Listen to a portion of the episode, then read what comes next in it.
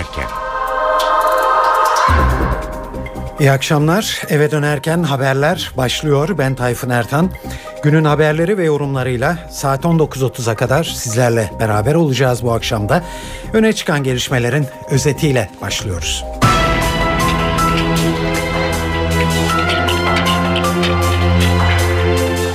Bugün Türkiye'den ayrılmaya başladı. İlk çekilme Hakkari'den, Gediktepe, Çarçel ve Yeşilova'dan oldu.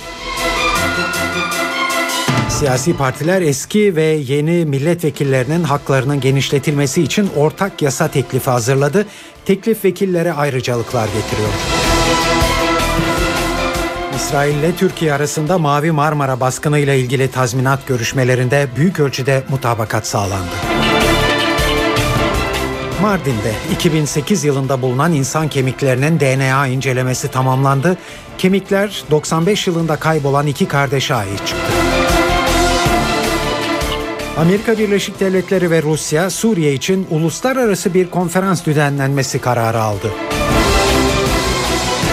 Ve Manchester United'ın Sir ünvanlı menajeri Alex Ferguson bu sezon sonunda emekli oluyor.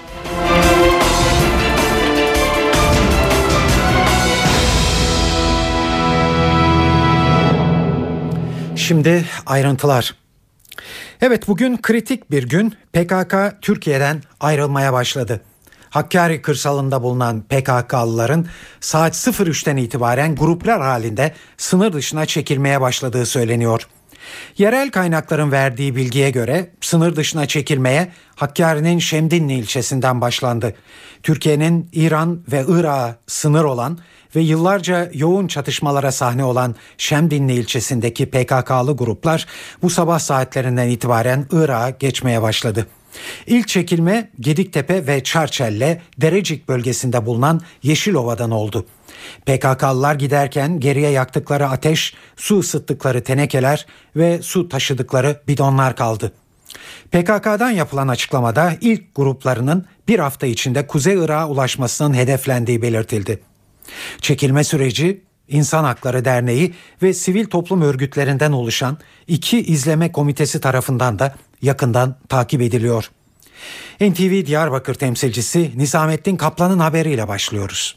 21 Mart Nevruz'unda Abdullah Öcalan'ın Diyarbakır'daki etkinliklerde verilen mesajları tabii ki bu sürecin e, başlamasına neden olmuştu. Öcalan artık silahlı mücadele döneminin bittiğini duyurmuş ve örgütten silahlı güçlerini ülke dışına çekmesini istemişti ve bu mesajla birlikte önce ateşkes ilan edildi ardından da Murat Karayılan örgütün üst düzey yöneticilerinden 25 Nisan'da Kandil'de bir basın toplantısı düzenledi ve bugünün tarihini verdi. 8 Mayıs tarihinde artık silahlı güçlerimiz Türkiye'den çekilecek. Toplanma yeri olarak Irak'ın Kürt bölgesi gösterilmişti ve bugünden itibaren de burada Türkiye'de bulunan örgüt üyeleri artık Irak'ın Kürt bölgesine geçmeye başlayacak. Ee, ilk grubun bir hafta içerisinde e, Irak'a ulaşması bekleniyor.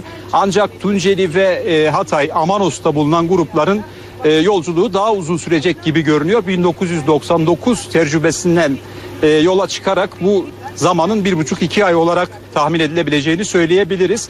İki izleme komitesi oluşturuldu. Bunlardan biri İnsan Hakları Derneği bünyesinde oluşturuldu. 25 kişiden oluşuyor e, ve e, şube başkanlarıyla Merkez Yürütme Kurulu üyelerinden oluşan e, bu izleme komitesi bölgede geri çekilme sırasında oluşabilecek e, sıkıntılarda hemen devreye girecek ve yetkililerle diyaloğa geçecek ve e, sorunu çözmeye çalışacak. Bir benzer komitede yine Diyarbakır'da 10 e, sivil toplum örgütünden oluşuyor. Onlar da benzer sıkıntılarda e, vali, kaymakam veya diğer yetkililerle görüşerek sorunu çözmeye çalışacaklar. Evet şimdi hükümet ve muhalefetten gelen açıklamalarla devam edelim bu konuda. Çekilme süreciyle ilgili olarak hükümet kanadından gelen ilk açıklama Başbakan Yardımcısı Bülent Arınç'a ait. Arınç süreç takibimiz altında dedi. Kandil'in kendi takvimi olabilir. Belirlediği tarihler de olabilir. Biz Milli İstihbarat Teşkilatımız aracılığıyla bunun gerçekleşip gerçekleşmediğini, ne gün, hangi saatte, hangi olayla bu sürecin başladığını elbette takip ediyoruz. Ancak şu aşamada bu başlamıştır, işte size görüntüleri diyebileceğimiz bir bilgi sunmam mümkün değil. sadece takip altındadır ve bunun elbette arzu ettiğimiz istikamette sonuçlanması bizim hedefimizdir. Mesele sonuçlandığında herhalde bunu ifade edecek Sayın Başbakanımızı veya bizi karşınızda bulacaksınız. Süreç takibimiz altındadır ve bizim için sonuç önemlidir. Bu sonuca yaklaştığımızı hissediyoruz.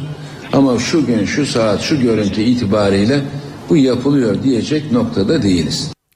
Evet PKK'nın silahlarını bırakmadan çekiliyor olması hem iktidar hem de muhalefeti rahatsız ediyor. AK Parti Genel Başkan Yardımcısı Hüseyin Çelik bugün bir kez daha bu konuya değindi ama sabır gösterilmezse Türkiye'nin zarar edeceğini söyledi. Esas hedef silahların susması değil, silahların bırakılmasıdır. Biz vurduk, kan döktük, can aldık, canımızı verdik, kanımız döküldü, taviz kopardık derlerse bu hüsrandır. Parmakların tetikten çekilmiş olması. Bu birinci aşamadır ve bu önemlidir. Bundan sonraki aşama bu silahların bırakılmasıdır. Her şey devletin kontrolü altındadır. Birileri maraza çıkarabilir. Biz bu konuda sabır göstermezsek Türkiye zarar eder. Evet bu Hüseyin Çelik'in açıklamasıydı. Ee, hükümetten gelen açıklamalar böyle oldu e, bugün. Şimdi muhalefetten gelen değerlendirmelere bakacağız. Barış ve Demokrasi Partisi yönetimi PKK'nın çekilişinde bir operasyon yapılmaması için temsili bir nöbet eylemi yapılacağını açıkladı. BDP Grup Başkan Vekili Pervin Buldan çekilme sırasında bir müdahale olursa, bir operasyon yapılırsa süreç sıkıntıya girer. Böylesi bir müdahalenin gerçekleşmemesi için de bizler biraz duyarlılık göstererek temsili bir nöbet eylemi yapacağız dedi. Barış ve Demokrasi Partisi Diyarbakır Milletvekili Altan Tansa PKK çekiliyor ama Kürt sorunu ortada duruyor mesajı verdi ve demokratikleşme çağrısı yaptı. Çözüm sürecinde sona gelinmiyor. Daha yeni başlıyor çözüm süreci. PKK çekiliyor. Ama ortada devasa bir Kürt sorunu var ve bunun çözümü daha yeni başlıyor. Demokratikleşmenin önünde artık hiçbir engel de kalmamıştır. Cumhuriyet Halk Partisi'nden Aytu Yazıcı sürecin olumlu bir seyirde ilerlediğini söyledi. Ancak partisinin çekilmenin silahları bırakarak çekilme olması çağrısını tekrarladı. Bu iyi bir şey. Silahları tamamen bırakarak çekilmenin ve bunun karşılığında hiçbir şey beklemeden sadece demokrasi, sadece barış, sadece olabildiğince insan hakları bekleyerek çekilmenin e, gerçekten çok iyi bir e, süreç olduğunu söyleyebilirim. MHP'li Özcan Yeniçeri ise çekilmenin kendi ifadesiyle PKK'yı araziye uydurma durumu olduğu görüşünde. Çözüm süreci goygoycuları bundan bayram yapacaklardır. TSK ile PKK birlikte çekiliyor. PKK'nın gerçekte çekilme dediği şey teröristlerini araziye uydurma, kamufle etme ve yer altına çekmesi anlamına gelmektedir. Evet bunlar Ankara'da siyasetçilerin yaptığı açıklamalardı. Gelelim şimdi yorum ve değerlendirmelere. Çekilme süreciyle ilgili olarak bugünün takvimi konmakta ama e, aslında çekilmenin bir süredir devam ettiği e, görüşü yaygın. Bu bilgiye sahip olan bir kişi de gazeteci ve Akil İnsanlar grubundan Avni Özgürel. Bu çekilmenin zaten büyük oranda şu anda tamamlandığını biliyoruz. Bir kısım e, örgüt elemanları e, özellikle de e, böyle getir götür işlerinde kullanılak, kullandıkları yani e, eylemlere pek ulaşmamış olan onlar zaten örgütten ayrılıp ailelerine dönmüşler.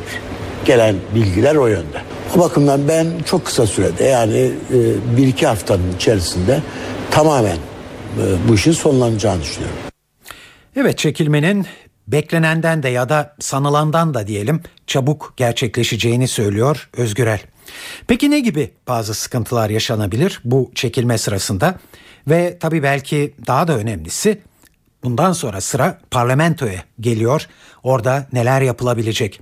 Olası gelişmeleri Yeni Şafak gazetesi Ankara temsilcisi Abdülkadir Selvi anlatıyor.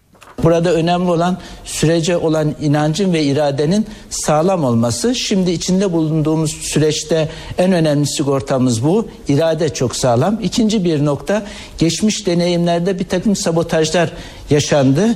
Ama şimdi Türkiye'de artık tek devlet var ve çok güçlü bir siyasi irade. O nedenle ben devlet içerisindeki bir takım yapılanmaların bu süreci sabote edebilecek e, güçte olmadığını görüyorum. Eğer buna kalkışan olursa çok ağır bir bedel öder. Örgüt tarafında da Öcalan tek lider olduğunu bu süreç içerisinde ispat etti. Yani geçmişte işte Şemdin Sakıkların e, bir şeyde Bingöl olayında yaptığı sabotaj türü şeyler olabilir mi? Olabilir. Hala bunlar geçerlidir ama bunlar yönetilebilir. Çünkü sadece içerisine giriyor ve bunun e, en önemli noktası da demokratikleşme süreci oluşturuyor. İşte deniliyor ne alındı ne verildi. İşte demokrasi ve barış alındı. Demokratikleşme sürecinde anayasa burada çatıyı oluşturan bir unsur. E, zaten çatışma yönetiminde de anayasayla bunun kurumsallaştırılması gerekiyor. Dün alınan bir karar var. Haziran sonuna kadar Anayasa Çalışmalar Uzlaşma Komisyonu'nun devam edecek ama benim AK Parti kanadından edindiğim izlenim bunun sonuçsuz olmaması yönünde. Çünkü artık bir noktada bir yerde bir nokta konulması gerekiyor. Hatta bu Haziran'ın sonu itibariyle yani bu dönem sonu itibariyle artık bu komisyonun bir anlamda da kendisini tasfiye tarihi olması gerekiyor. Çünkü AK Parti'de belki diğer partilerde kendi sivil ve yeni anayasa önerilerini Türkiye Büyük Millet Meclisi'ne getirecekler. Çünkü bu yöntem denendi, önemliydi ama sonuç alamadı. Şimdi Türkiye'nin anayasa konusunda sonuç alabilecek yeni bir yönteme ihtiyaç var. Zannediyorum AK Parti'de bu yöntemi ve bu yolu zorlayacak. Hürriyet gazetesinden İsmet Berkansa çekilme sürecinin olası bazı sorunlara karşın ilerleyici düşüncesinde. Bundan sonra siyasette somut konular üzerinden tartışmaların başlayacağını söylüyor. bugün başlayan şey çok çok önemli bir şey Türkiye'nin geleceği için, geçmişimiz için de geleceğimiz için de çok önemli bir şey. Bunun tamamı erdirilmemesi hali çok ağır bir sorumluluk olur. Şimdi bu noktaya gelinmesini biz şuna borçluyuz kabaca. Şöyle bir analize. Bu terörün e, ardında yatan ana sebep tabii onlarca sebebi olabilir.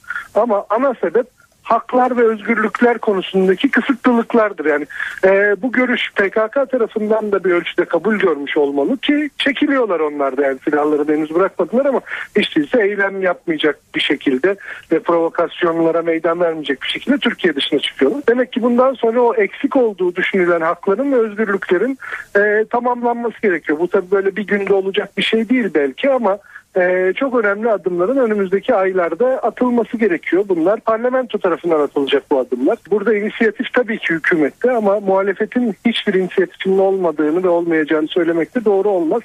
Ee, bundan sonra siyasi alanda yani iç siyasette bu konudaki ciddi tartışmaları göreceğiz. Tabii PKK'nın Türkiye'den ayrılması barış sürecinin bütünü açısından en azından bazı kişilerin başta duydukları inanmama ya da güvenmeme duygularının da ortadan kalkmasına ve kamuoyunun tüm sürece verdiği desteğin artmasına da yol açabilir. Kaldı ki bu doğrultuda bir de akil insanlar grubunun yürüttüğü çalışmalar var. Deyim yerindeyse sahada çalışan bir akil adamın görüşlerini dinleyeceğiz şimdi. Hem de Ege bölgesi gibi akil adamların ikna etme işinin zor olduğu bir bölgedeki gözlemleri yansıtacağız şimdi sizlere. Avni Özgürel'i dinliyoruz bir kez daha. Valla ben e, tahmin ettiğimden daha fazla bir destek olduğunu gördüm. Kim barışa hayır diyebilir ki yani? Buna ister AK Partili, ister CHP'li, ister MHP'li, ister işçi partili herkesin aynı söyleme aynı. Ama bitmenin yöntemleri sorusuna gelince iş değişiyor.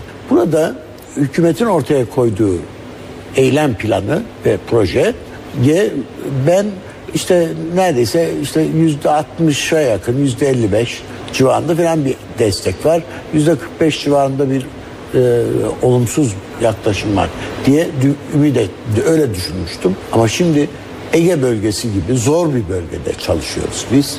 Ama bakıyorsunuz o prosesoyu yapan gerçekleştirenler 20-30 kişi. Küçümsediğim için söylemiyorum bunu. Yani mutlaka o kentte ciddi oranda itirazlara, o itirazlara katılanlar da var tabii. Sayısı 15-20 kişiden ibaret değil. Hiç şüphesiz. Ama ben çok daha yüksek oranda bir desteğin var olduğunu görüyorum. Burada e, esas önemli olan şu. İnsanlarda mesela konuştuğum e, itirazları seslendiren işçi partili, e, işte e, ülkücü veya e, Cumhuriyet Halk Partili insanlar var. Ki işte kaldığımız yerlerde bazen kahvelerde falan çay içmek için falan bir araya geliyoruz. Belli biraz tar şeyden sonra biraz geri, gerginlik diyelim. Den sonra e, e, bir de tabii bizde bir misafire bir hiç değilse bir say şey var Anadolu'da onun gereği olarak işte biraz sohbet daha derinleşiyor. O zaman anlaşılıyor ki esas öfke insanların diyelim ki Cumhuriyet Halk Partisi veya Milliyetçi Hareket Partisi ya da Ülkücü Hareket için e, bu iki partinin bir çözüm önerisinin olmayışına. Yani evet AK Parti'nin gündeme getirdiği, hükümetin gündeme taşıdığı bu çözüm önerisine muhalifler yani veyahut da bunun içinde yer aldığını düşündükleri e, endişeler kümesine kümesi onları te- tedirgin ediyor ama kendi taraftar oldukları siyasi kanadın veya kampın bir çözüm önerisi yok. Saat 18.21 NTV Radyo'yu dinlemekteysiniz. Başkentte dün kritik bir toplantı vardı. Siyasi partiler yeni anayasanın kaderini belirlemek için bir araya geldiler ve size bir son dakika gelişmesi olarak duyurmuştuk dün akşam 7 gibi. Bir araya geldiler ve uzlaşma komisyonunun Haziran sonuna kadar çalışması için mutabakata vardılar. Partiler 1 Temmuz'a kadar üzerinde fikir ayrılıkları olan maddeler üzerinde uzlaşma olasılığını değerlendirecekler. Tabii bu konu çözüm süreci açısından da çok büyük önem taşıyor. Çünkü siyasi çalışma süresi giderek azalıyor. Meclis Anayasa Komisyonu üyesi Ahmet İma'ya bu iki aylık süre içinde tüm partilerin tartışma yaratan maddeler konusunda daha esnek davranacakları düşüncesinde. E, bilhassa e, çalışmanın geldiği bu noktada e, tamamlanan e, müzakerelerin, mütabık kalınmayan maddelerin yeniden ele alınmasının e, bir e, uzlaşma, e, mütabakata dayalı bir metin oluşturma kapasitesinin var olduğu sonucuna varıldı ve uzlaşma komisyonu oy birliğiyle e, Haziran'ın e, sonuna kadar çalışma kararını aldı. Çünkü 1982 yılından bu yana bu anayasa 32 yıldır tartışılıyor ve anayasa karşıtı sivil tezler, sivil projeler üretiliyor. 32 yıl yapılan tartışmanın 2 yıl 2 yıl içerisinde gerçekleştirilen bir çalışmayla bir norm projesine dönmesi kuvvetle muhtemel. Bu anlayış içerisinde zannediyorum e, karşı konulan, mütabakat e, sağlanamayan, şöyle olsun böyle olsun denen önemli maddelerde bir mütabakat sağlanabilir. Bunu ben bireysel olarak değil, komisyon da kurumsal olarak bu kanaate e, ulaştı ve ben 3 veya 4 e, temel sorunun dışında e, bu anayasa çalışmasının mütabakatla e, sonuçlanabileceği ihtimalini e, kuvvetli bir ihtimal olarak görüyorum. Evet AKP'den Ahmet İyimaya iyimser bir değerlendirmede bulundu. Mecliste partilerin hiçbir konuda anlaşamadıkları söylenemez artık. Hemen bir örnek verirsek, dün meclisteki tüm partilerin grup başkan vekilleri eski ve yeni milletvekillerinin haklarının genişletilmesi için ortak bir yasa teklifine evet dediler, imza attılar. Teklifin yasalaşması durumunda vekiller bazı ayrıcalıklara sahip olacak. Örneğin kendilerine trafik cezası kesilemeyecek, trafikte geçiş üstünlükleri olacak. Ayrıca vekillerin yanı sıra eski vekiller ve bakanlar da dahil olmak üzere bu kişilerin ailelerine de diplomatik pasaport verilecek. Bu düzenlemenin ayrıntılarını NTV muhabirlerinden Murat Koralp'ten dinliyoruz.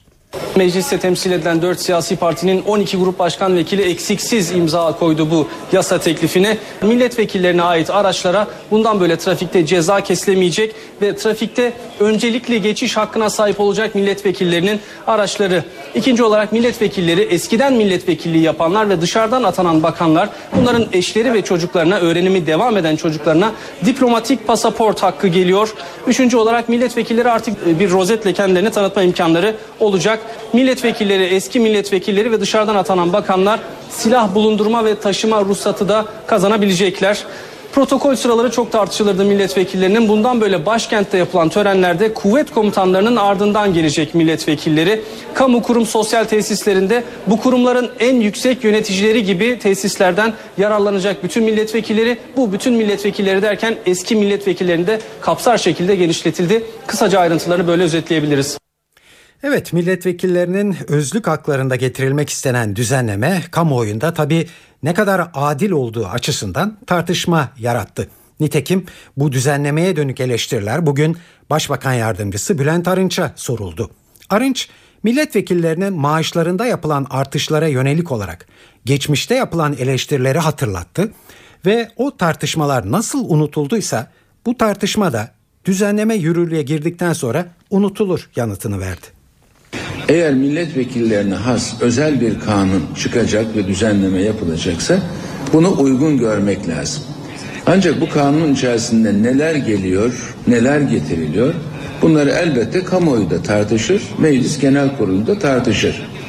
Yani bir kısmı yok bu kadar da olmaz diyebilirsiniz. Bir kısmı ne kadar doğru haklı diyebilirsiniz. Nihayet meclis genel kurulu gündemine hakimdir. Unutmayın ki bundan 5-6 ay veya 7 ay kadar önce yine mecliste bütün partiler arasında bir konsensus oluş, oluşmuş ve milletvekillerinin maaşları ve sağlıkla ilgili konular Sosyal Güvenlik Kanunu'nun bir maddesinde değişiklik yapılarak gerçekleştirilmişti. İşin içerisinde CHP evet dediğine göre, MHP, Adalet ve Kalkınma Partisi ve BDP evet dediğine göre mecliste böyle bir uylaşmanın, oydaşmanın meydana gelmiş olması herhalde önemlidir. Bakınız o gün yapılanlardan bugün bir tek eleştiri bile kalmadı. Bugün getirilmek istenen de bugün eleştiriliyorsa yarın unutulacak demektir.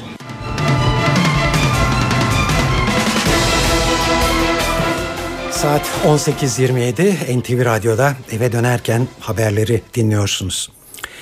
Dışişleri Bakanı Ahmet Davutoğlu, İsrail ile Türkiye arasında Mavi Marmara baskını ile ilgili tazminat görüşmelerinde büyük ölçüde mutabakat sağlandığını söyledi. Davutoğlu görüşmelerde üçüncü tura ihtiyaç kalmayabileceğini de kaydetti. Şu anda ikinci tur görüşmeler yapıldı. Ben de buradan e, müsteşarımız Sayın Siniroğlu'yla görüştüm. E, üçüncü bir tur yapılmasına ihtiyaç e, kalıp kalmayacağını tabi Ankara'ya dönünce değerlendireceğiz ama büyük ölçüde ilkeler etrafında bir e, temel ilkeler noktasında bir mutabakat e, sağlandığını görüyoruz. Şunu bir kez daha ifade etmek isterim. E, Birçok değişik spekülasyonlar yapıldığını gö- e, görüyoruz. E, özür ve tazminat e, ve e, ambargonun kaldırılması her biri her biri insan olarak ve vatandaş olarak e, bizim için e, büyük değer ifade eden şehitlerimizin kanlarının karşılığı değildir. Ancak özür ve tazminat şu bakımdan önemlidir. Bir mesuliyet bir vatandaşlarımızın hakkını, hukukunun temsil edilmesi ve teslim edilmesi bağlamında önemlidir. Evet hemen bir eklemede bulunalım bu noktada. Çünkü benzer bir açıklama dün de İsrail Dışişleri Bakanlığı'nın bir yetkilisinden gelmişti. Ayrıca İsrail'de gazetelerde dün ölenlerin ailelerine yüzer bin dolar ödeme düşünüldüğünü yazmıştı. Mardin'in Katarlı köyünde 2008 yılında bulunan insan kemiklerinin DNA incelemesi tamamlandı ve kemikler 1995 yılında kaybolan iki kardeşe ait çıktı. Kızıltepe Belediyesi'nde zabıta memuru olarak görev yapan Şemsettin Yalçınkaya ve kardeşi Nejat Yalçınkaya 18 yıldan beri kayıptı. 1995'te evlerinden alınarak bir araca bindirilen iki kardeşten daha sonra haber alınamamıştı. 2008 yılında Kızıltepe Savcılığı'nın Mardin'de Katarlı köyünde yaptığı kazılarda kayıp kardeşlerin izine rastlandı ve İstanbul Adli Tıp Kurumu'ndaki DNA incelemesinde kemiklerin Yalçınkaya kardeşlere ait olduğu belirlendi. Hazırlanan ön rapor savcılığa iletildi. Kızıltepe'deki faili meçhul cinayetler soruşturmasının bir numaralı şüphelisinin 1991 ve 1996 yılları arasında Kızıltepe Jandarma Komutanlığı yapan Albay Atilla Uğur olduğu iddia ediliyor. Albay Uğur halen Ergenekon davası kapsamında tutuklu bulunuyor. Tunceli'de bir mağarada bulunan kemiklerle ilgili soruşturmada da savcılık buluntunun adli tıp tarafından incelenmesine karar verdi. Merkeze bağlı Laç Deresi'ndeki mağarada 1937 ve 1938'de yapılan askeri harekatlarda öldürülenlere ait olduğu iddia edilen yüzlerce kemik bulunmuştu. İnsan Hakları Derneği Tunceli temsilciliğinin başvurusu üzerine savcılık bir inceleme başlatmış ve tanık ifadesine başvurulmuştu. Cumhuriyet Savcılığı şimdi kemiklerin Adli Tıp Kurumu'na gönderilmesi için talimat verdi.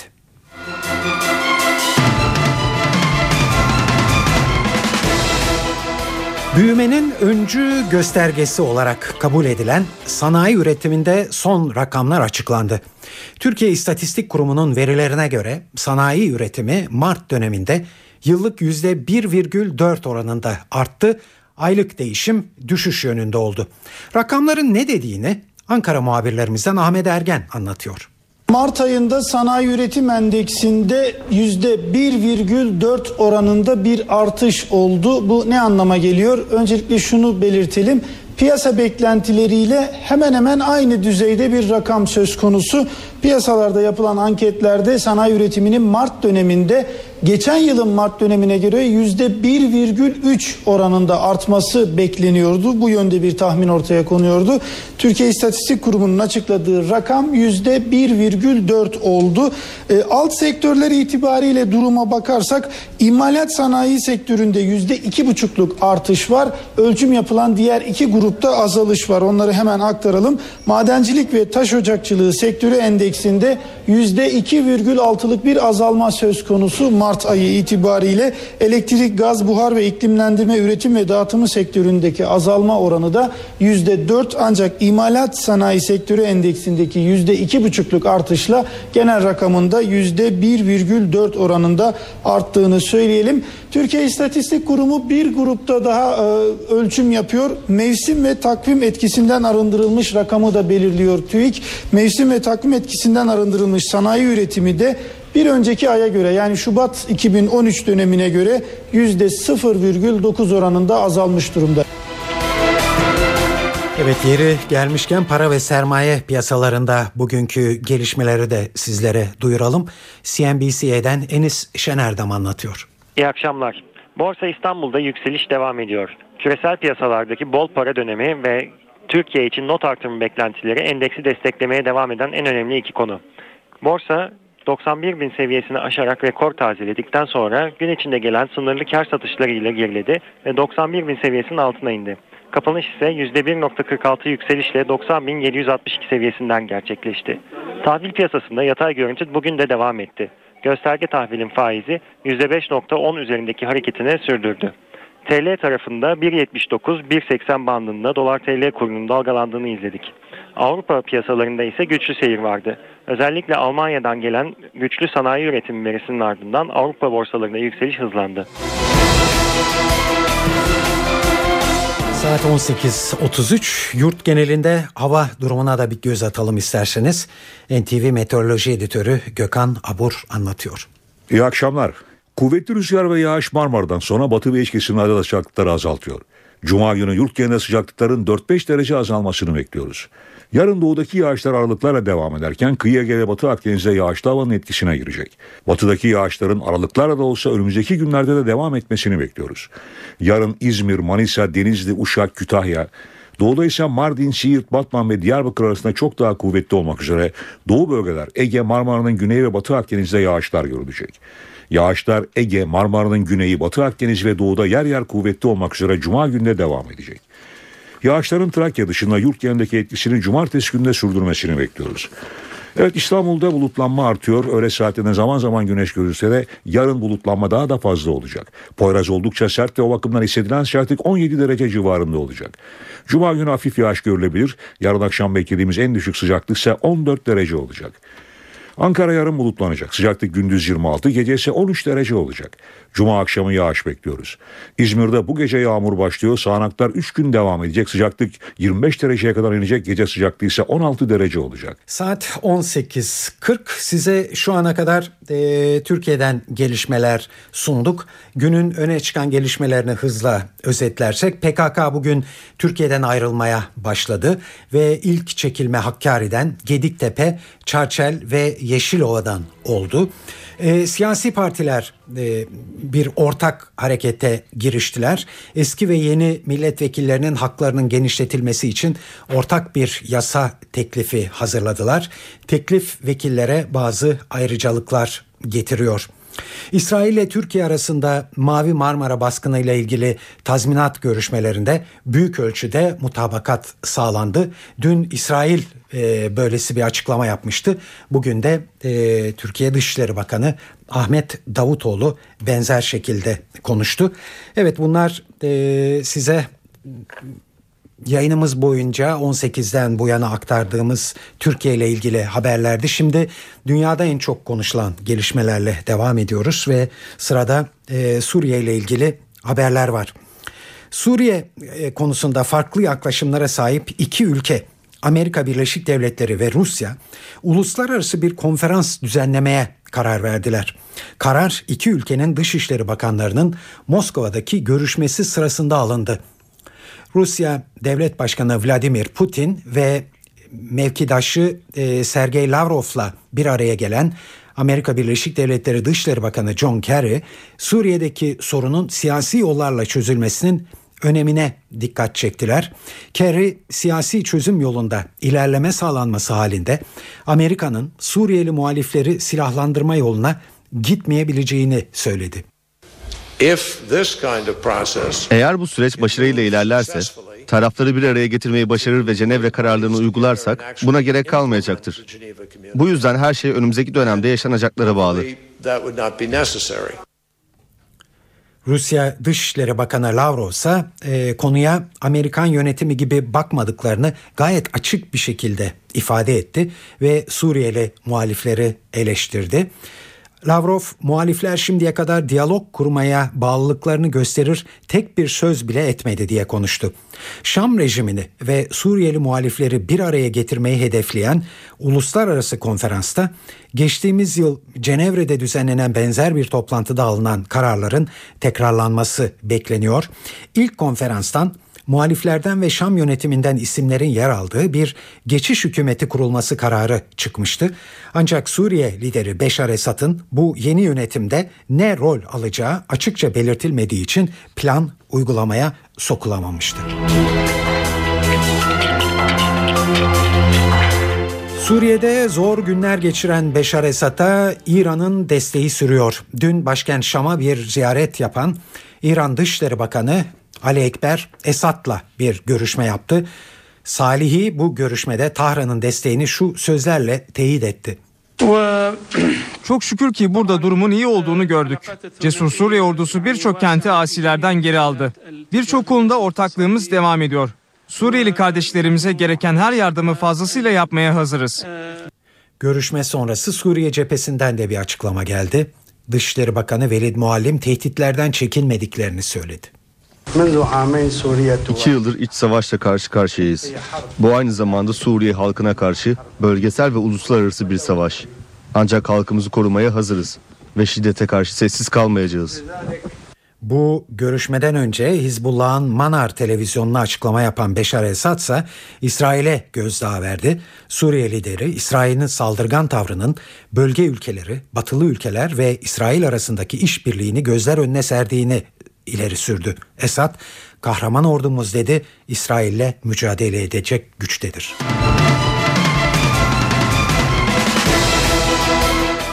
Son zamanlarda Suriye'de çatışan tarafların birbirlerine karşı kimyasal silah kullandığı haberleri arttı. Suriye'ye doğrudan müdahale etmeyi düşünmediğini açıklamış olan Amerikan yönetimi bile eğer kimyasal silah kullanıldığı anlaşılırsa bu tutumunu değiştirebileceğini belirtiyor. Bu konuda Türkiye'de hassas davranıyor.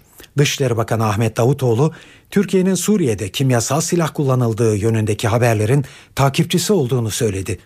Kimyasal silah stoğuna sahip olan ülkelerin bilindiğini ifade eden Davutoğlu, bunlardan biri de maalesef Suriye rejimidir dedi.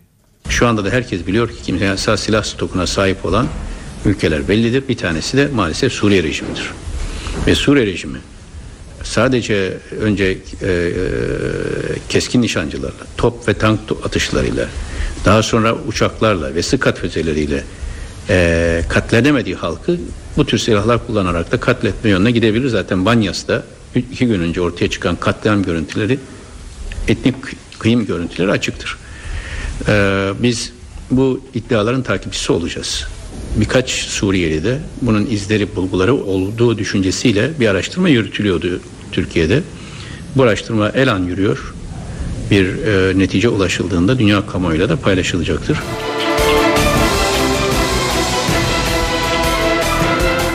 İtalya'da yine dikkat çeken bir gemi kazası yaşandı.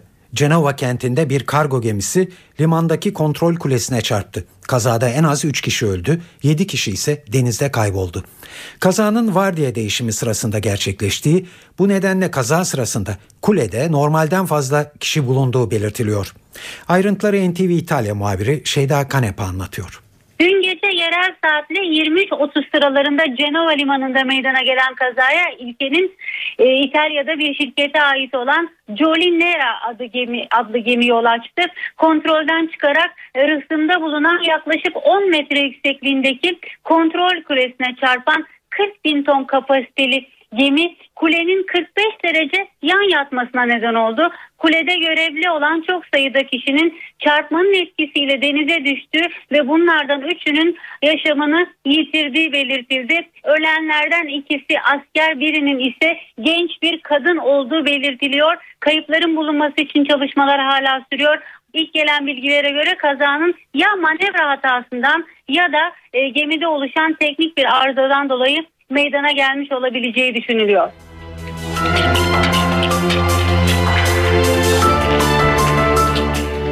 Amerika Birleşik Devletleri'nde gündem 10 yıldır aynı evde zorla tutulan 3 kadının esaretinin sona ermesi. Amanda Berry, Gina De Jesus ve Michelle Knight adlı 3 genç kadının 10 yıldır zorla alıkonduğu ev polisin incelemesi altında şimdi. Kadınların 10 yıl boyunca evden çıkmadığı ve kimseyle iletişim kuramadıkları da öğrenildi. Evde bulunan 6 yaşındaki bir çocuğun da yıllarca cinsel istismara uğrayan kadınlardan birinin kızı olduğu tespit edildi. Şimdi tabii bu kadınların aileleri de şokta.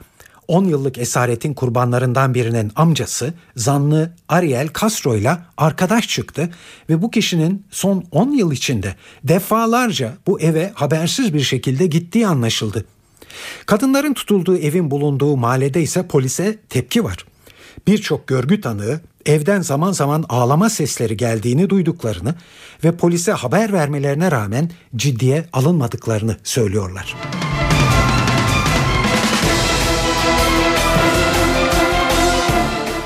Ayda 1 milyar kişinin ziyaret ettiği video paylaşım sitesi YouTube yeni kanallar açmaya hazırlanıyor. Ücretli olacağı belirtilen bu yeni uygulamayla ilgili olarak henüz resmi bir duyuru yok. YouTube sadece abonelik sistemi üzerine çalıştığını belirtmekle yetiniyor. Örneğin bir bilgisayar öğretmeninin ders görüntülerini içeren videoyu izlemek için ücret ödemek gerekecek. Financial Times gazetesinin haberine göre izleyiciler bunun için aylık 1,99 dolar ödeyecekler. Yani 2 dolar kadar bir ödeme yapacaklar. Böyle bir sistemin video prodüktörlerine izleyicilerden para kazanma olanağı sunacağı yorumları yapılmakta. YouTube meraklılarının paralı kanalların devreye girmesiyle ilgilendikleri ve içerik için ödeme yapmaya alışacakları kaydedilmekte. Para ödenerek izlenecek videoların reklam içerip içermeyeceği henüz netleşmiş değil. Spor dünyasından haberlerle devam ediyoruz eve dönerkene. Galatasaray'ın şampiyonluğu garantilemesinin ardından lig yarışında ikincilik koltuğunu korumaya hedefleyen Fenerbahçe gözünü bu akşam Eskişehir Spor'la oynayacağı Ziraat Türkiye Kupası yarı finaline çevirdi. İlk maçta rakibiyle deplasmanda bir bir berabere kalan Fenerbahçe bugün maçta alacağı galibiyet veya golsüz beraberlik halinde tur atlayacak. Eskişehir Spor'a ise galibiyet ya da birbirin dışındaki gollü beraberlikler gerekiyor. Bu akşam Şükrü Saracoğlu stadında oynanacak maç saat 21.30'da başlayacak ve bu mücadeleyi hakem Hüseyin Göçek yönetecek. Gecenin diğer e, maçında da bu sezon ligde istediğini bulamayan Trabzonspor, Türkiye Kupası yarı final ilk maçında 2-1 yenildiği Sivas Spor'u Avni Aker'de konuk edecek. Şimdiye kadar 13 kez final oynayıp 8 kez kupayı müzesine götüren Bordo Mavili ekip adını Avrupa'ya yazdırmanın peşinde. Bu müsabakada saat 19'da başlıyor. İngiliz futbol tarihinin en başarılı futbol adamı olarak görülen Manchester United'ın efsanevi menajeri Sir Alex Ferguson sezon sonunda emekli olacağını açıkladı. 20 yıldır Manchester United'da görev yapan Ferguson bu dönemde Kırmızı Şimşeklerle 13 lig şampiyonluğu yaşadı ve çok sayıda uluslararası başarı elde etti. Ferguson'ın istifa açıklamasının ayrıntılarını BBC Türkçe bölümünden Emre Bala sorduk. Yani hem beklenen hem de beklenmeyen bir karardı diyelim. Çünkü e, Ferguson daha iki hafta önce iki yıl daha takımda kalmak istediğinden bahsediyordu. Ama dünden itibaren kulüpten büyük bir duyuru yapılacağı haberleri sızınca bu duyurunun Ferguson'ın takımı bırakmasıyla ilgili olacağı dedikoduları da dün akşamdan itibaren gelmeye başladı. Bugün de açıklamanın kendisi geldi Ferguson'dan. Ferguson yazılı bir bildiri yayınladı ve emeklilik kararımla ilgili çok düşündüm ve şimdi doğru zaman olduğuna karar verdim dedi. Ferguson ayrıca ailesine, taraftarlara, kulüp yetkililerine özetle büyük başarısını emeğe getiren herkese teşekkür etti. İskoç Teknik Adamı'nın veda açıklamasındaki belki de en önemli sözü şuydu. Ben bir kulüp inşa ettim. Sadece bir takım değil. Ferguson gerçekten de dünya kulübü haline getirdi United'ı. 27, 27 yıl takımın başında kaldı ve toplam 38 kupa kazandırdı United'a. Bu kupalar arasında 13 Premier Lig şampiyonluğu ve 2 Şampiyonlar Ligi şampiyonluğu da var. Ki Ferguson 86'da 1986'da Manchester United'a geldiğinde United tam 26 yıldır şampiyonluk kazanamıyordu. Üstelik Aberdeen'deki başarılarından sonra takımı devraldığında United sondan ikinci birlikte. İskoç teknik adam böyle bir noktada takımı devraldı ve dünyanın en büyük kulüplerinden biri haline getirdi. Ee, Ferguson'un aslında emekliliğini böyle aniden açıklamasında 2001-2002 sezonundaki tecrübesi rol oynadı, e, rol oynadı söyleniyor. Çünkü Ferguson o zaman yıl ortasında sezon sonunda emekli olacağını açıklamıştı. Bu açıklamadan sonra da United çok kötü sonuç almaya başladı. Ferguson kararını değiştirdi. Saat 19 günün öne çıkan gelişmelerinin özetiyle başlıyoruz. Bugün Türkiye'den ayrılmaya başladığı ilk çekilme Hakkari'den Gediktepe, Çarçel ve Yeşilova'dan oldu. Siyasi partiler eski ve yeni milletvekillerinin haklarının genişletilmesi için ortak yasa teklifi hazırladı. Teklif vekillere ayrıcalıklar getiriyor. İsrail ile Türkiye arasında Mavi Marmara baskını ile ilgili tazminat görüşmelerinde büyük ölçüde mutabakat sağlandı. Ve Manchester United'ın Sir ünvanlı menajeri Alex Ferguson bu sezon sonunda emekli oluyor.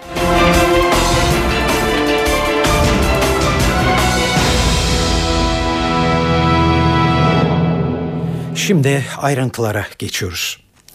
PKK bugün Türkiye'den ayrılmaya başladı.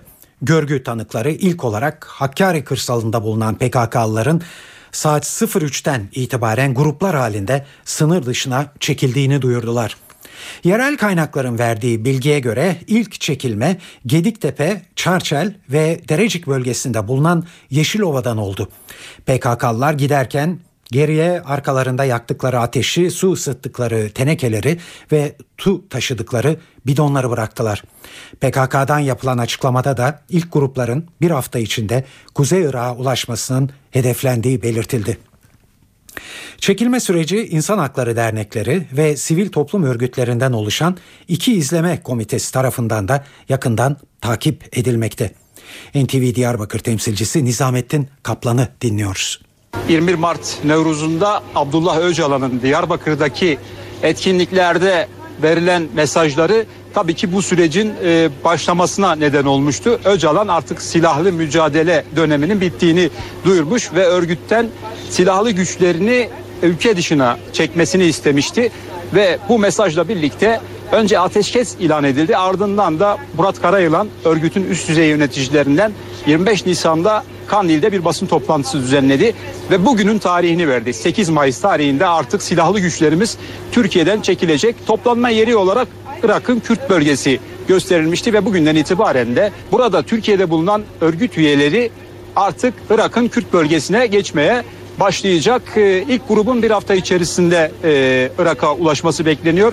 Ancak Tunceli ve e, Hatay, Amanos'ta bulunan grupların e, yolculuğu daha uzun sürecek gibi görünüyor. 1999 tecrübesinden yola çıkarak bu zamanın bir buçuk iki ay olarak tahmin edilebileceğini söyleyebiliriz. İki izleme komitesi oluşturuldu. Bunlardan biri İnsan Hakları Derneği bünyesinde oluşturuldu. 25 kişiden oluşuyor ve e, şube başkanlarıyla Merkez Yürütme Kurulu üyelerinden oluşan e, bu izleme komitesi bölgede geri çekilme sırasında oluşabilecek e, sıkıntılarda hemen devreye girecek ve yetkililerle diyaloğa geçecek ve e, sorunu çözmeye çalışacak. Bir benzer komitede yine Diyarbakır'da e, 10 sivil toplum örgütünden oluşuyor. Onlar da benzer sıkıntılarda e, vali, kaymakam veya diğer yetkililerle görüşerek sorunu çözmeye çalışacaklar.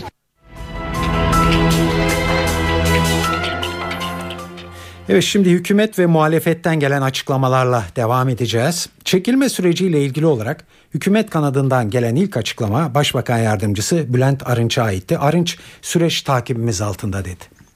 Kandil'in kendi takvimi olabilir. Belirlediği tarihler de olabilir.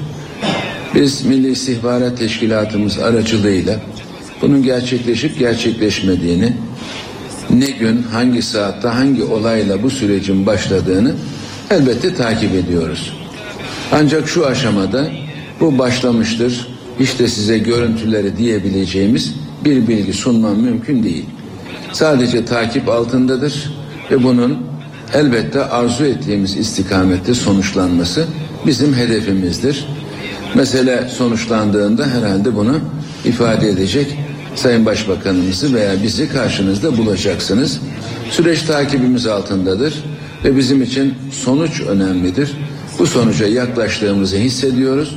Ama şu gün, şu saat, şu görüntü itibariyle bu yapılıyor diyecek noktada değiliz. PKK'nın silahlarını bırakmadan çekiliyor olması hem iktidar hem de muhalefeti rahatsız ediyor. AK Parti Genel Başkan Yardımcısı Hüseyin Çelik bugün bir kez daha bu konuya değindi ama sabır gösterilmezse Türkiye'nin zarar edeceğini belirtti. Esas hedef silahların susması değil, silahların bırakılmasıdır. Biz vurduk, kan döktük, can aldık, canımızı verdik, kanımız döküldü, taviz kopardık derlerse bu hüsrandır. Parmakların tetikten çekilmiş olması. Bu birinci aşamadır ve bu önemlidir. Bundan sonraki aşama bu silahların bırakılmasıdır. Her şey devletin kontrolü altındadır. Birileri maraza çıkarabilir. Biz bu konuda sabır göstermezsek Türkiye zarar eder.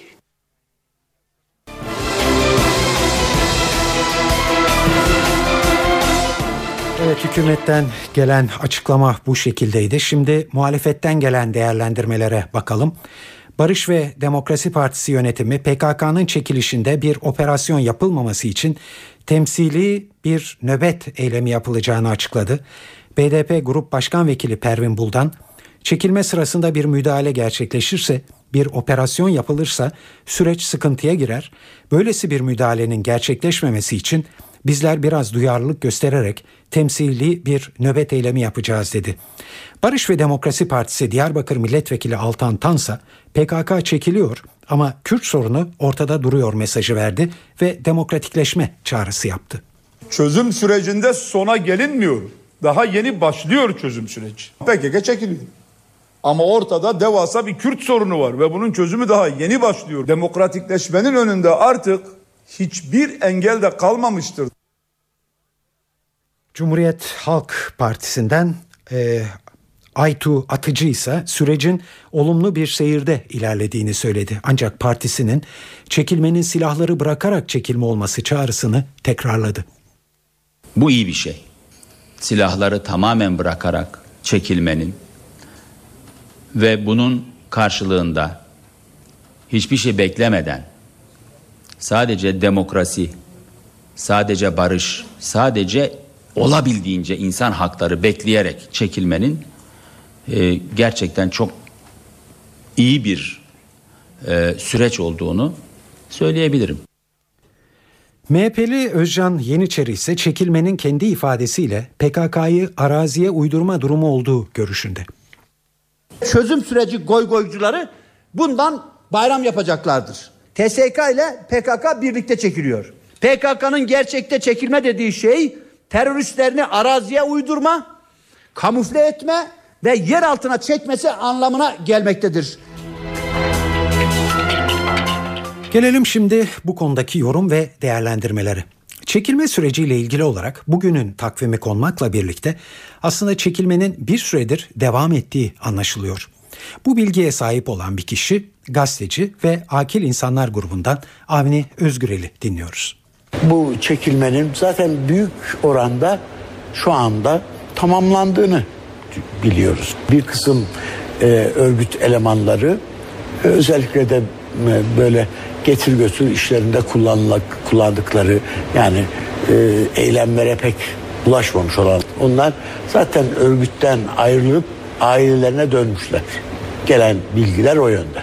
O bakımdan ben çok kısa sürede yani e, bir iki haftanın içerisinde tamamen e, bu işin sonlanacağını düşünüyorum.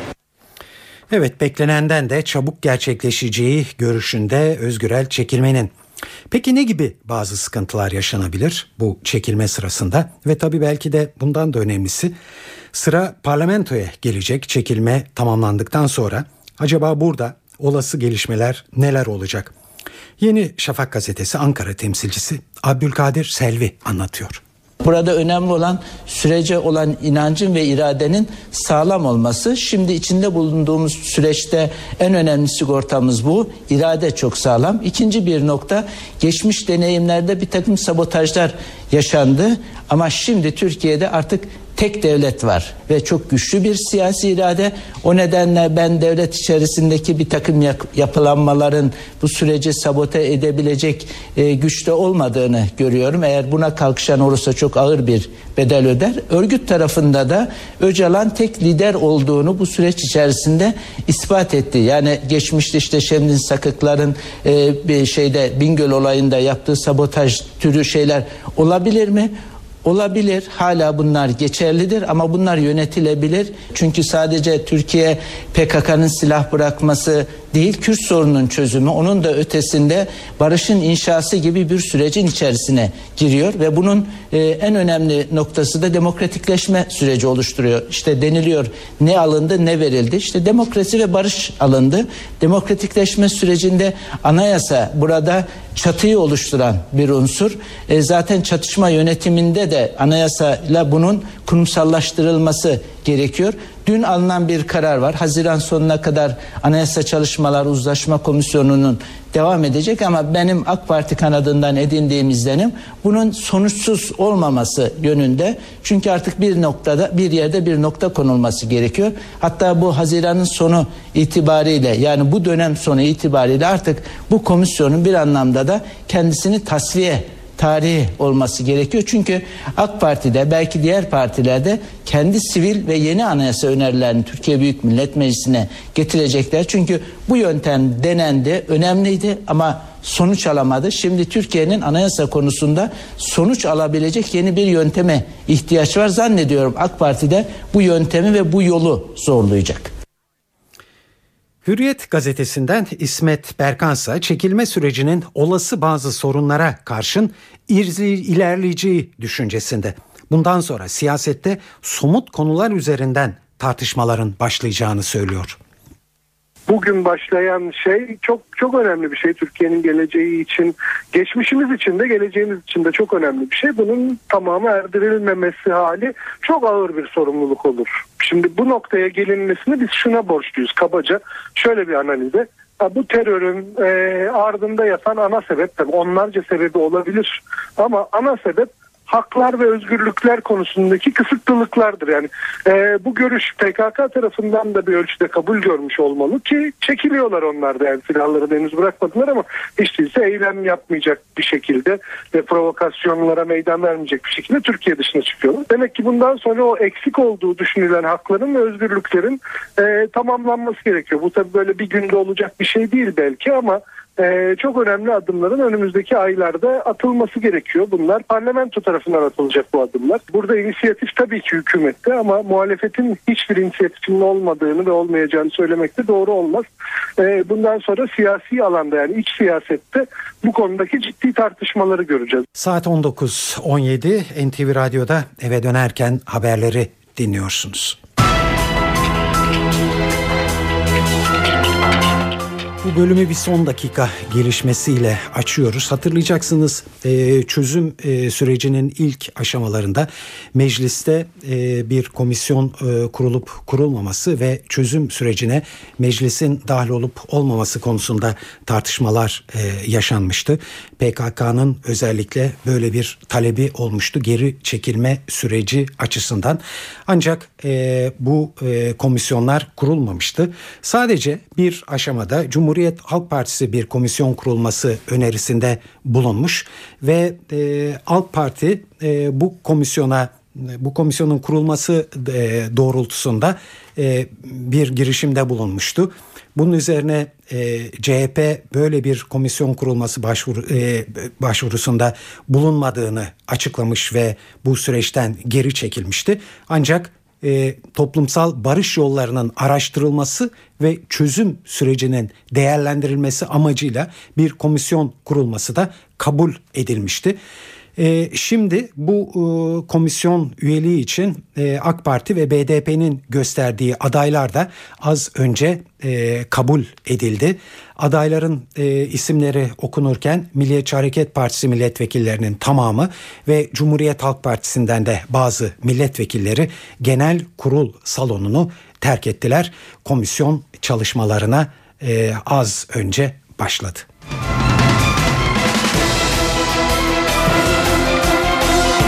Evet mecliste partilerin e, kritik bazı konularda anlaşamadıklarını biliyoruz ama bazı konularda da hızla anlaştıklarının bir örneğini bugün yaşadık. Dün e, meclisteki tüm partilerin grup başkan vekilleri eski ve yeni milletvekillerinin haklarının genişletilmesi için ortak bir yasa teklifi hazırladılar ve bugün buna imzalar atıldı. Teklifin yasalaşması durumunda vekiller bazı ayrıcalıklara sahip olacak. Örneğin kendilerine trafik cezası kesilmeyecek ve trafikte geçiş üstünlükleri olacak. Ayrıca vekillerin yanı sıra eski vekil ve bakanların ailelerine de diplomatik pasaport verilecek. Bu düzenlemenin ayrıntılarını NTV muhabiri Murat Koralp anlatıyor. Mecliste temsil edilen 4 siyasi partinin 12 grup başkan vekili eksiksiz imza koydu bu yasa teklifine. Milletvekillerine ait araçlara bundan böyle trafikte ceza kesilemeyecek ve trafikte öncelikli geçiş hakkına sahip olacak milletvekillerinin araçları. İkinci olarak milletvekilleri eskiden milletvekilliği yapanlar ve dışarıdan atanan bakanlar bunların eşleri ve çocuklarına öğrenimi devam eden çocuklarına diplomatik pasaport hakkı geliyor. Üçüncü olarak milletvekilleri artık bir rozetle kendilerini tanıtma imkanları olacak milletvekilleri, eski milletvekilleri ve dışarıdan atanan bakanlar silah bulundurma ve taşıma ruhsatı da kazanabilecekler. Protokol sıraları çok tartışılırdı milletvekillerinin. Bundan böyle başkentte yapılan törenlerde kuvvet komutanlarının ardından gelecek milletvekilleri. Kamu kurum sosyal tesislerinde bu kurumların en yüksek yöneticileri gibi tesislerden yararlanacak bütün milletvekilleri. Bu bütün milletvekilleri derken eski milletvekillerini de kapsar şekilde genişletildi. Kısaca ayrıntılarını böyle özetleyebiliriz. Milletvekillerinin özlük haklarında getirilmek istenen düzenleme kamuoyunda tabi ne kadar adil olduğu açısından tartışılacaktır. Nitekim bu düzenlemeye dönük eleştiriler bugün Başbakan Yardımcısı Bülent Arınç'a soruldu. Arınç milletvekillerinin maaşlarında yapılan artışlara yönelik olarak geçmişteki eleştirileri hatırlattı ve o tartışmalar nasıl unutulduysa bu tartışma da düzenleme yürürlüğe girdikten sonra unutulur dedi. Eğer milletvekillerine has özel bir kanun çıkacak ve düzenleme yapılacaksa bunu uygun görmek lazım. Ancak bu kanunun içerisinde neler geliyor, neler getiriliyor bunları elbette kamuoyu da tartışır, meclis genel kurulu da tartışır. Yani bir kısmı yok bu kadar da olmaz diyebilirsiniz. Bir kısmı ne kadar doğru haklı diyebilirsiniz. Nihayet meclis genel kurulu gündemine hakimdir.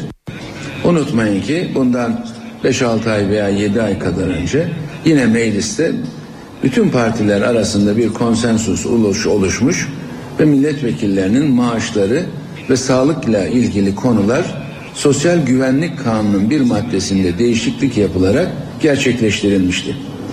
İşin içerisinde CHP evet dediğine göre, MHP, Adalet ve Kalkınma Partisi ve BDP evet dediğine göre mecliste böyle bir uylaşmanın, oydaşmanın meydana gelmiş olması herhalde önemlidir. Bakınız o gün yapılanlardan bugün bir tek eleştiri bile kalmadı. Bugün getirilmek istenen de bugün eleştiriliyorsa yarın unutulacak demektir. Dışişleri Bakanı Ahmet Davutoğlu, İsrail ile Türkiye arasında Mavi Marmara baskını ile ilgili tazminat görüşmelerinde büyük ölçüde mutabakat sağlandığını söyledi. Davutoğlu görüşmelerde üçüncü tura ihtiyaç kalmayabileceğini vurguladı. Şu anda ikinci tur görüşmeler yapıldı. Ben de buradan e, müsteşarımız Sayın Sinirlioğlu ile görüştüm. E, üçüncü bir tur yapılmasına ihtiyaç e, kalıp kalmayacağını tabii Ankara'ya dönünce değerlendireceğiz ama büyük ölçüde ilkeler etrafında bir e, temel ilkeler noktasında bir mutabakat e, sağlandığını görüyoruz. Şunu bir kez daha ifade etmek isterim. E, Birçok değişik spekülasyonlar yapıldığını gö- e, görüyoruz. E, özür ve tazminat e, ve e, ambargonun kaldırılması her biri her biri insan olarak ve vatandaş olarak e, bizim için e, büyük değer ifade eden şehitlerimizin kanlarının karşılığı değildir. Ancak özür ve tazminat şu bakımdan önemlidir. Bir mesuliyet, bir vatandaşlarımızın hakkını, hukukunun temsil edilmesi ve teslim edilmesi bağlamında önemlidir. İngiliz futbol tarihinin en başarılı futbol adamı olarak görülen Manchester United'ın menajeri Sir Alex Ferguson sezon sonunda emekli olacağını açıkladı. Ferguson'ın istifa açıklamasının ayrıntılarını BBC Türkçe servisinden Emre Bal'a sorduk. Yani hem beklenen hem de beklenmeyen bir karardı diyelim. Çünkü e, Ferguson daha iki hafta önce iki yıl daha takımda kalmak istediğinden bahsediyordu. Ama dünden itibaren kulüpten büyük bir duyuru yapılacağı haberleri sızınca bu duyurunun Ferguson'ın takımı bırakmasıyla ilgili olacağı dedikoduları da dün akşamdan itibaren gelmeye başladı. Bugün de açıklamanın kendisi geldi Ferguson'dan. Ferguson yazılı bir bildiri yayınladı ve emeklilik kararımla ilgili çok düşündüm ve şimdi doğru zaman olduğuna karar verdim dedi. Ferguson ayrıca ailesine, taraftarlara, kulüp yetkililerine özellikle büyük başarısına emeği geçen herkese teşekkür etti. İskoç teknik adamın veda açıklamasındaki belki de en önemli sözü şuydu. Ben bir kulüp inşa ettim. Sadece bir takım değil. Ferguson gerçekten de dünya kulübü haline getirdi United'ı. 27, 27 yıl takımın başında kaldı ve toplam 38 kupa kazandırdı United'a. Bu kupalar arasında 13 Premier Lig şampiyonluğu ve 2 Şampiyonlar Ligi şampiyonluğu da var. Ki Ferguson 86'da 1986'da Manchester United'a geldiğinde United tam 26 yıldır şampiyonluk kazanamıyordu. Üstelik Aberdeen'deki başarılarından sonra takımı devraldığında United sondan ikinci ligde. İskoç teknik adam böyle bir noktada takımı devraldı ve dünyanın en büyük kulüplerinden biri haline getirdi. Ee, Ferguson'un aslında emekliliğini böyle aniden açıklamasında 2001-2002 sezonundaki tecrübesi rol oynadı, e, rol oynadı söyleniyor. Çünkü Ferguson o zaman yıl ortasında sezon sonunda emekli olacağını açıklamıştı. Bu açıklamadan sonra da United çok kötü sonuç almaya başladı. Ferguson kararını değiştirdi.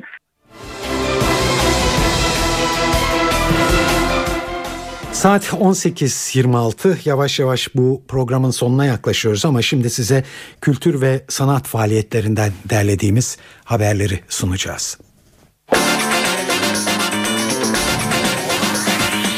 Mustafa Akran'ın hazırlayıp sunduğu Telli kitabın konuğu Garaj İstanbul'da gerçekleşecek Sema konseri. Konserlerinde Nazım Hikmet bestelerini, Tuncel Kurtiz'de Nazım Hikmet'i, Şeyh Bedrettin destanını seslendiren Sema, Anneler ve Ninniler projesinde video art gibi farklı disiplinlerle ortak çalışarak Anadolu ninnilerini ve ağıtları seslendiriyor. Türk müziğini kendi yorumu Caz Alaturka olarak seslendiren sanatçının konseri bu akşam 21.30'da Garaj İstanbul'da izlenebilir. Konserin NTV Radyo'dan yapılacak canlı yayınla dinleyicilerle buluşacağını da belirtmeden geçmeyelim. Maya Vidal de Babilon'da müzikseverler için bir konser veriyor. Akordeon, gitar ve perküsyon kullanarak kendi orijinal tarzını yaratan Barcelona merkezli Amerikalı müzisyen Maya Vidal, yeni albümü God Is My Back'tan şarkılar seslendirecek. Konser saat 20.30'da başlıyor. Kahvesi Çel İstanbul'u ağırlıyor bugün. Performans başlama saati 20.